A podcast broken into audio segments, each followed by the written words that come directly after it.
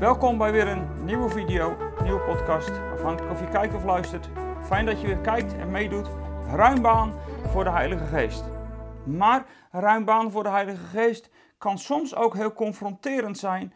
En soms ook wel eens ongelooflijk ingewikkeld. En daar wil ik eigenlijk bij stilstaan. Ehm, ja, eigenlijk vanuit dat gedeelte van de Heilige Geest dat hij je inzicht kan geven en wijsheid in bepaalde situaties. Dat is natuurlijk een van de gaven van de geest. En ooit heb ik wel eens een hele serie gemaakt over de gaven van de geest. Dat doe ik nu wat minder. Maar ik wil wel laten zien dat je ruim baan mag geven en ook moet geven voor de Heilige Geest. Ook als soms die gaven van de geest wel eens ingewikkeld zijn. Ik zeg het natuurlijk al vaker dat de gaven van de geest lang niet altijd makkelijk zijn. Want je zou maar in een bepaalde situatie moeten handelen. Maar wat nu als het echt heel erg spannend wordt? En ook die voorbeelden, die komen we in die eerste christengemeente gewoon tegen. Als de Heilige Geest net is uitgestort, Jezus naar de hemel is gegaan, ruim baan heeft gegeven voor de geest hier op aarde. En ook de apostelen ruim baan geven voor de Heilige Geest in alles wat ze doen. Dan krijg je ook van die momenten dat de Heilige Geest laat zien hoe hij werkt. Maar ook dat het wel eens op een manier kan zijn waar je het liever een keer niet over hebt. En ik doe dat vandaag ook aan de hand van een heel um, nou ja, heftig Bijbelgedeelte. Mijn naam is Theo de Koning van eindeloosgelukkig.nl en bij Eindeloos Gelukkig hebben we het grote verlangen dat elke gelovige een discipel is van Jezus en die zich laat leiden ook door de Heilige Geest. Juist in dit thema natuurlijk ligt daar wat meer de nadruk op dat echte gaven van de Geest in je leven gewoon functioneren. En een van die gaven is dus inzicht en wijsheid. Dat zijn er eigenlijk twee. Daar gaan we het vandaag over hebben. Fijn dat je kijkt, fijn dat je erbij bent. Schrik niet als ik straks vertel welk Bijbelgedeelte over gaat. En als je de Bijbel een beetje kent, en zeker de eerste christengemeente een beetje kent, vanaf handelingen 2 en volgend, dan heb je een klein beetje een vermoeden waar we heen gaan, denk ik. Want er is namelijk een situatie dat de apostelen heel erg goed weten dat er eh, een bepaalde situatie is waar ze het inzicht over hebben gekregen. En de eerste keer, dat gebeurt al, en als je in tijd met God meeleest op de website, dan ontdek je dat er even wat dingen parallel lopen. Dat is niet gepland, dat, dat gebeurt gewoon, want daar ben ik bezig over. Daar schrijf ik over de kracht die er is in de naam van Jezus. Ik spreek Jezus, is daar het thema. En dan lopen er soms even wat dingen parallel. En dat komt gewoon omdat een Bijbel is naar boven is gekomen waar dat thema in naar voren komt. Maar daar zie je ook al dat de apostelen soms inzicht krijgen door de Heilige Geest. Dat begint daar bij die kreupele man die er aan de schone poort zit. En die vind ik al spannend overigens. Want die man die daar aan de schone poort zit, daar is Jezus al heel vaak voorbij gelopen. Heeft hem al die jaren laten zitten, want hij zit er al vanaf zijn geboorte kun je aannemen, of, of in ieder geval vanaf het moment dat hij kan bedelen. En Jezus heeft niks gedaan. En iedereen kent die man. En dan komen Petrus en Johannes voorbij. En dan beelt hij en dan vraagt hij om, om een aalmoes, hij vraagt om geld. En dan zeggen Petrus, en vooral Petrus, Petrus en Johannes, maar vooral Petrus, die zegt dan, zilver en goud heb ik niet. Maar wat ik je heb, dat geef ik je in de naam van Jezus, sta op en ga lopen. Ik heb in tijd met God geschreven over de situatie dat als ik op opwekking ben, dat uh, ik heel vaak op die plek zit naast het, naast het rolstoelvak. En dat ik me heel vaak dan bedenk, oh, het zou mij overkomen. Dat God tegen mij zegt, haal er een uit een rolstoel omhoog. En ik geloof dat dat kan. Het is mij nooit overkomen. Ik heb in die zin nog nooit voor iemand gebeden dat ik hem ook overeind trek. Maar toch. Stel dat de Heilige Geest je dat ingeeft. Stel je voor dat. Nou, ik weet niet hoe ik handel. Ik zou het in ieder geval heel spannend vinden. Ik vind het eerlijk gezegd veel makkelijker om met een dove te bidden, waar dan soms ook niks gebeurt, dan iemand in een rolstoel de teleurstelling te geven om omhoog te trekken en dat kan helemaal niet staan bijvoorbeeld. Dat zou ik denken. Dat is de eerste keer al dat die apostelen heel duidelijk hebben dat de Heilige Geest spreekt en dat ze daarop mogen reageren. Want ik geloof dat er in dat gedeelte in Handelingen 3 ongetwijfeld inzicht en kennis is geweest van de Heilige Geest. Dat weet ik zeker. Daar twijfel ik geen moment aan. Ik weet zeker dat in die situatie de apostelen hebben geweten dat ze dat mochten en konden doen in de machtige naam van Jezus. Dat is inzicht, wat de Heilige Geest dus geeft. En dat is mooi. Weet je, als je het op die manier krijgt, dat is geweldig. Maar wij zijn een beetje in een kerkcultuur terechtgekomen waarin we net doen alsof dat God alleen maar hele mooie dingen door de Heilige Geest aan je laat weten. Alsof dat die tijd van de profeten van het Oude Testament helemaal voorbij is, waar soms oordeelsprofetieën zijn. En dat je dan denkt, ja, oordeelsprofetieën, dat was van het Oude Testament. God is nu alleen maar lief. Hij is liefde, maar we hebben hem heel vaak lief gemaakt. En weet je, soms irriteert me dat mateloos, dat wil ik je eerlijk zeggen. Alsof dat de heilige God in onze kerkculturen bijna niet meer bestaat. Ja, die bestaat dan in de zogenaamde zware kerken. Daar gaat het over oordeel en hel en verdoemenis. Ik geloof dat dat ook God niet is. Of in ieder geval niet alleen maar. Alleen betekent dat nou dat de heilige God alleen maar lief geworden is en alles goed praat? En niks meer aan de kaak stelt? Nou, als ik het Nieuwe Testament lees, ontdek ik dat dat niet zo is. En dat die heilige kant van God er wel degelijk is. En dat die soms ook te maken heeft met inzicht en wijsheid die de Heilige Geest jou geeft. Er is soms wijsheid, inzicht en kennis. Dat zijn er dan twee eigenlijk. De kennis aan de ene kant en wijsheid, inzicht aan de andere kant. Twee gaven van de geest die soms gelijk opgaan, soms alleen komen. Maar dan laat de Heilige Geest je soms dingen zien die je echt niet kan weten feitelijk. Dat is dan kennis.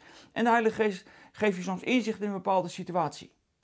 Nou, ik denk dat de situatie die ik zo met je ga lezen, allebei die kanten in zich heeft. En dan blijkt ook dat de Heilige Geest niet met zich laat spotten. En dat is ook wel eens gewoon goed om even tegen elkaar te zeggen. Paulus heeft het niet voor niks over het feit dat we de Heilige Geest niet moeten bedroeven, niet moeten uitblussen. We moeten de Heilige Geest niet op de proef stellen op een negatieve manier.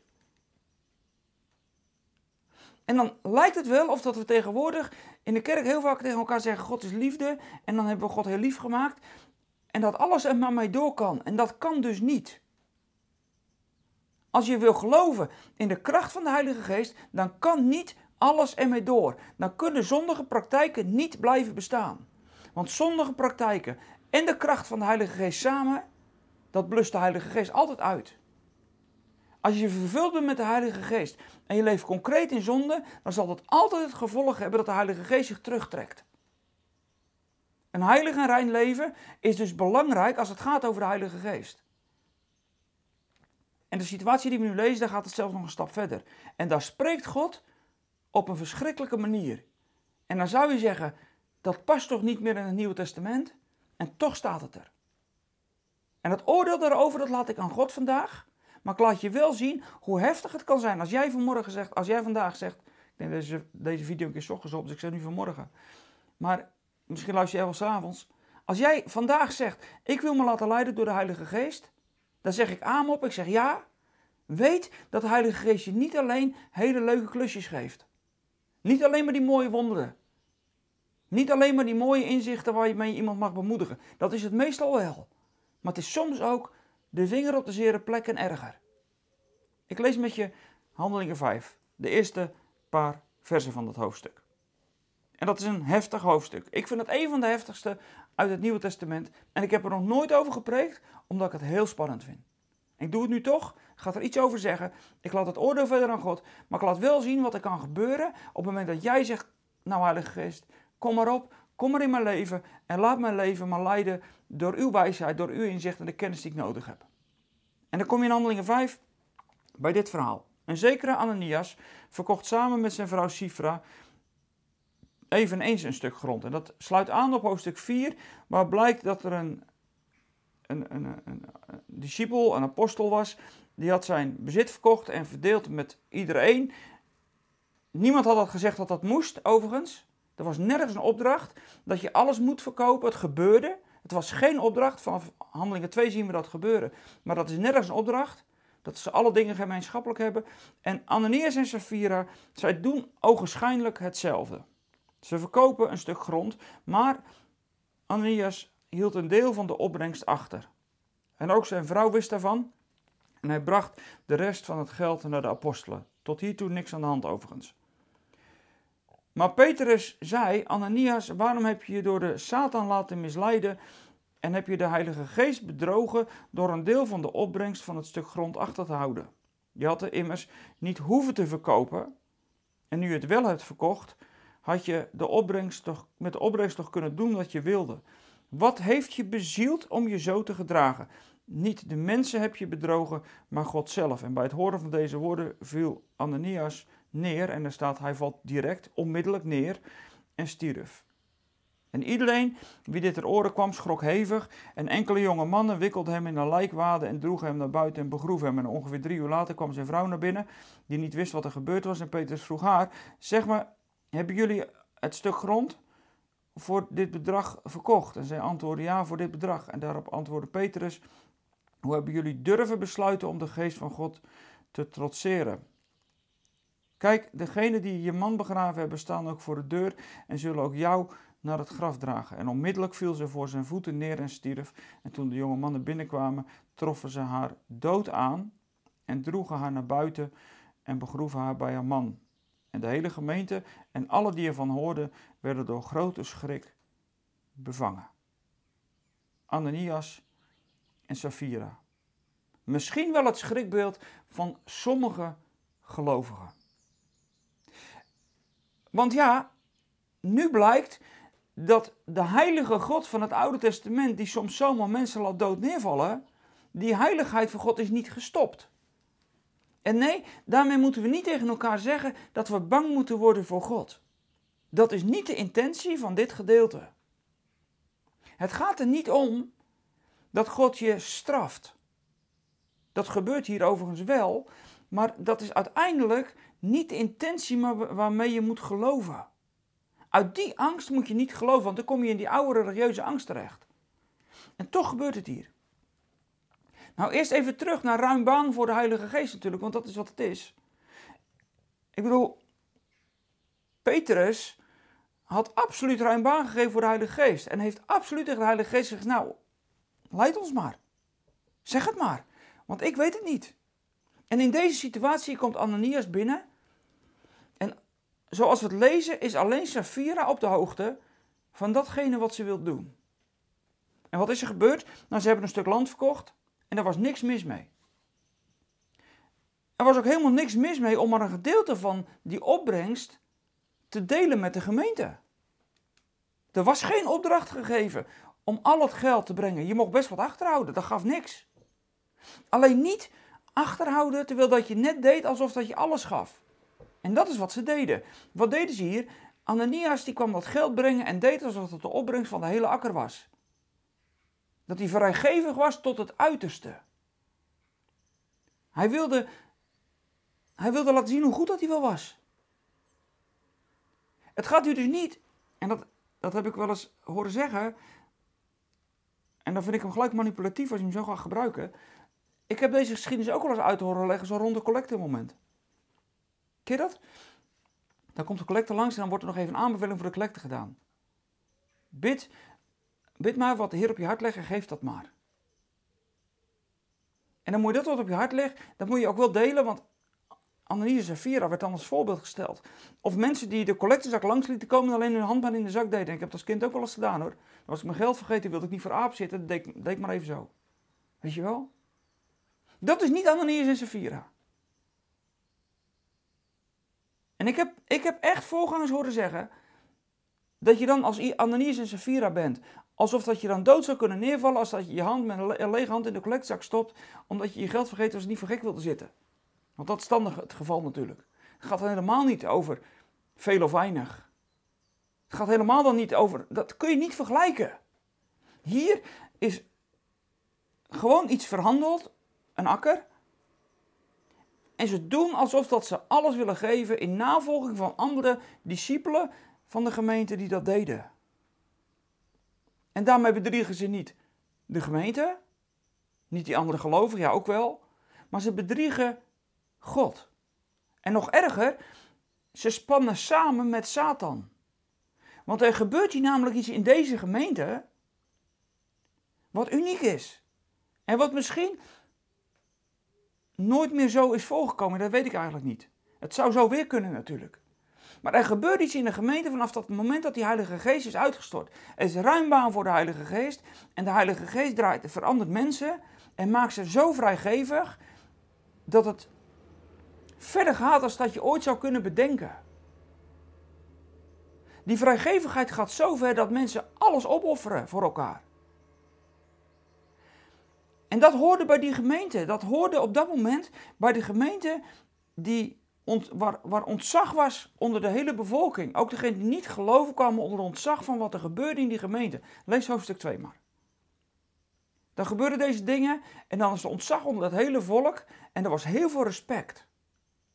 De Heilige Geest doet iets wat respect brengt voor de gemeente en voor God. En Satan is er altijd op uit om dat kapot te maken. Satan wil niet dat de gemeente op die manier zal groeien. En daarom koppelt Petrus dit wat hier gebeurt aan de praktijk van Satan.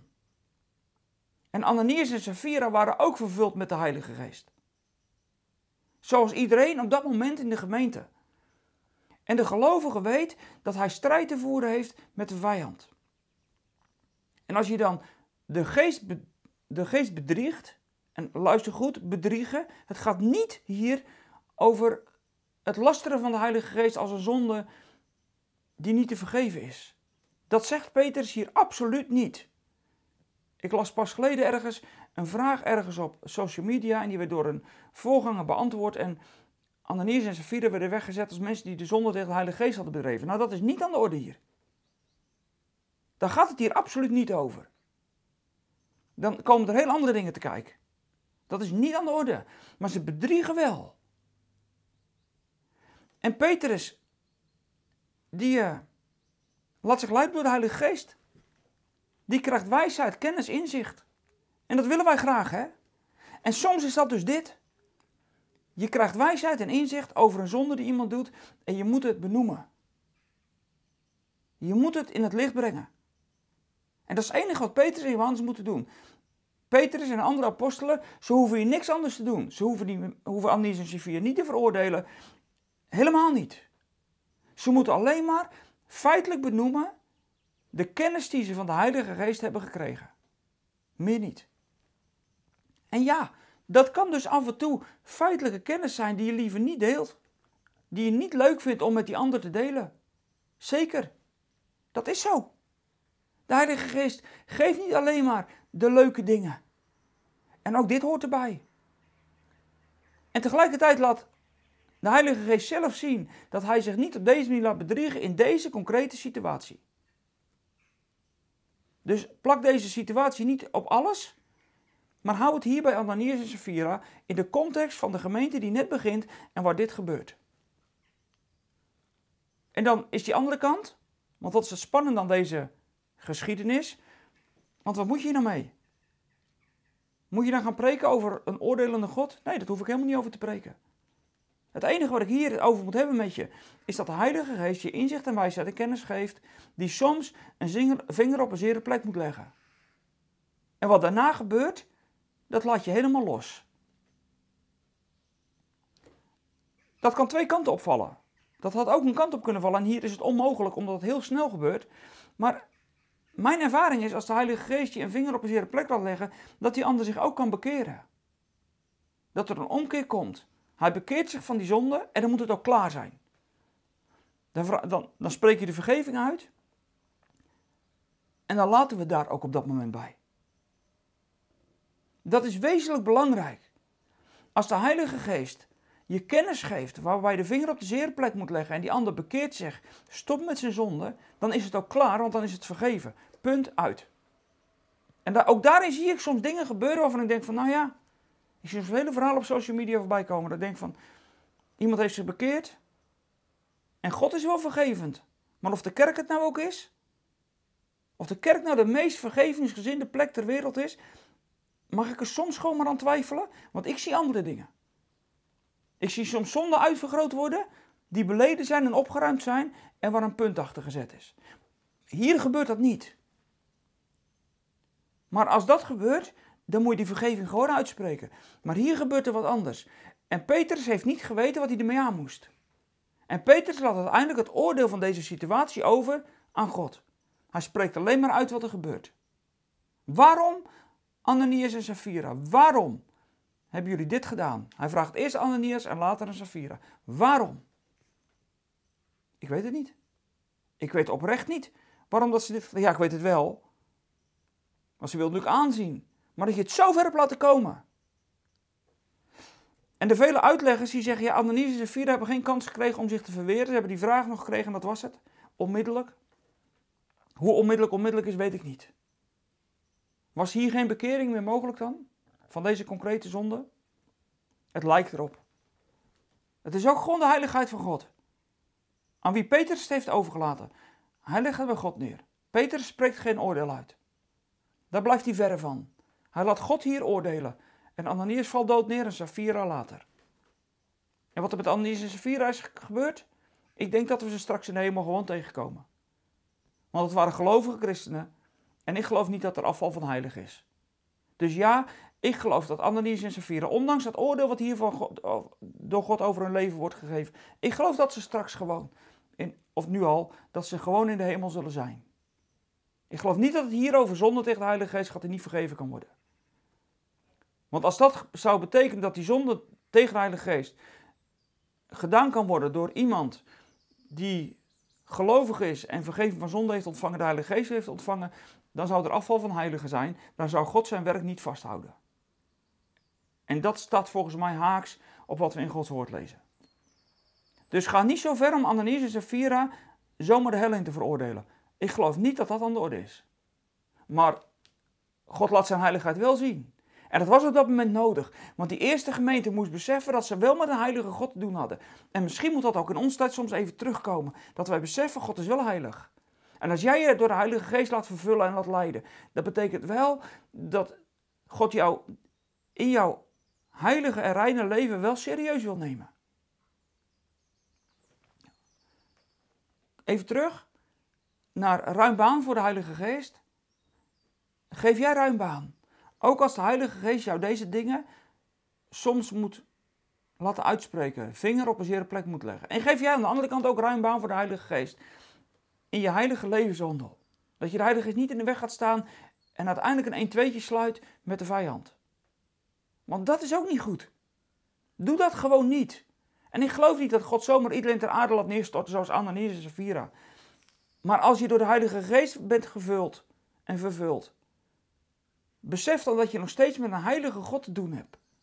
En blijf in die heiligheid functioneren. En blijf in die heiligheid kijken hoe, hoe je ook de Heilige Geest ten dienste mag zijn. En zoek niet het aanzien, zoek niet de eer van mensen, waardoor dat je streken uit moet halen om die eer van mensen voor elkaar te krijgen. Want dat is niet goed. Als dat gebeurt in je leven, dan legt zijn vinger ook misschien nu wel bij de, op de zere plek. Doe niet mee als je bij de rijken der aarde wil horen en dan net wil doen of je vrijgevig bent. Als je dat geld er niet voor over hebt, zeg dat dan gewoon. Doe niet mee met die praktijken die duister zijn.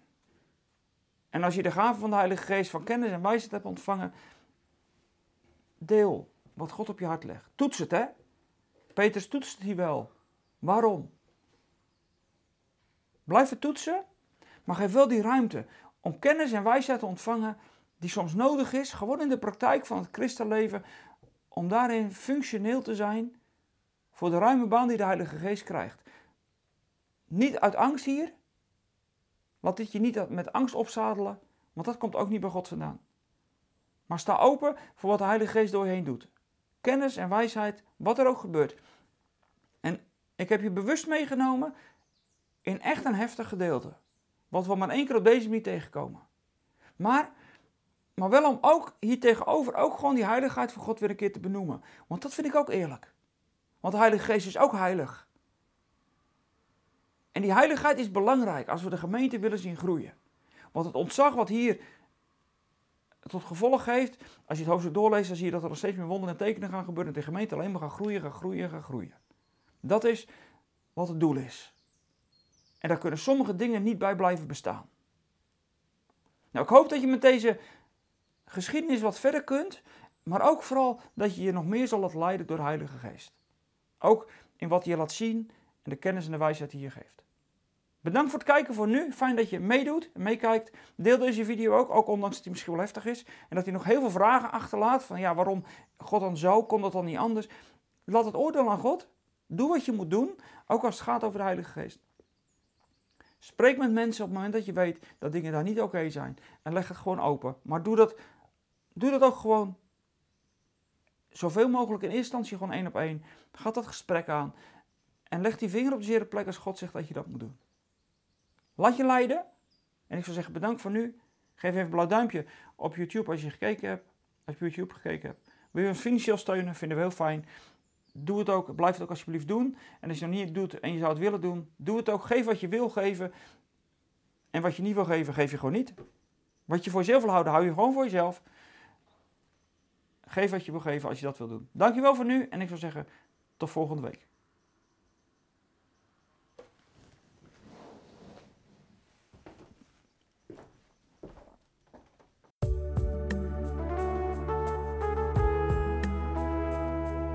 Zijn er weer aan het einde van deze podcast. Spreken deze podcast je aan en wil je ons met de gift ondersteunen? Kijk dan voor meer informatie op www.eindeloosgelukkig.nl slash podcast.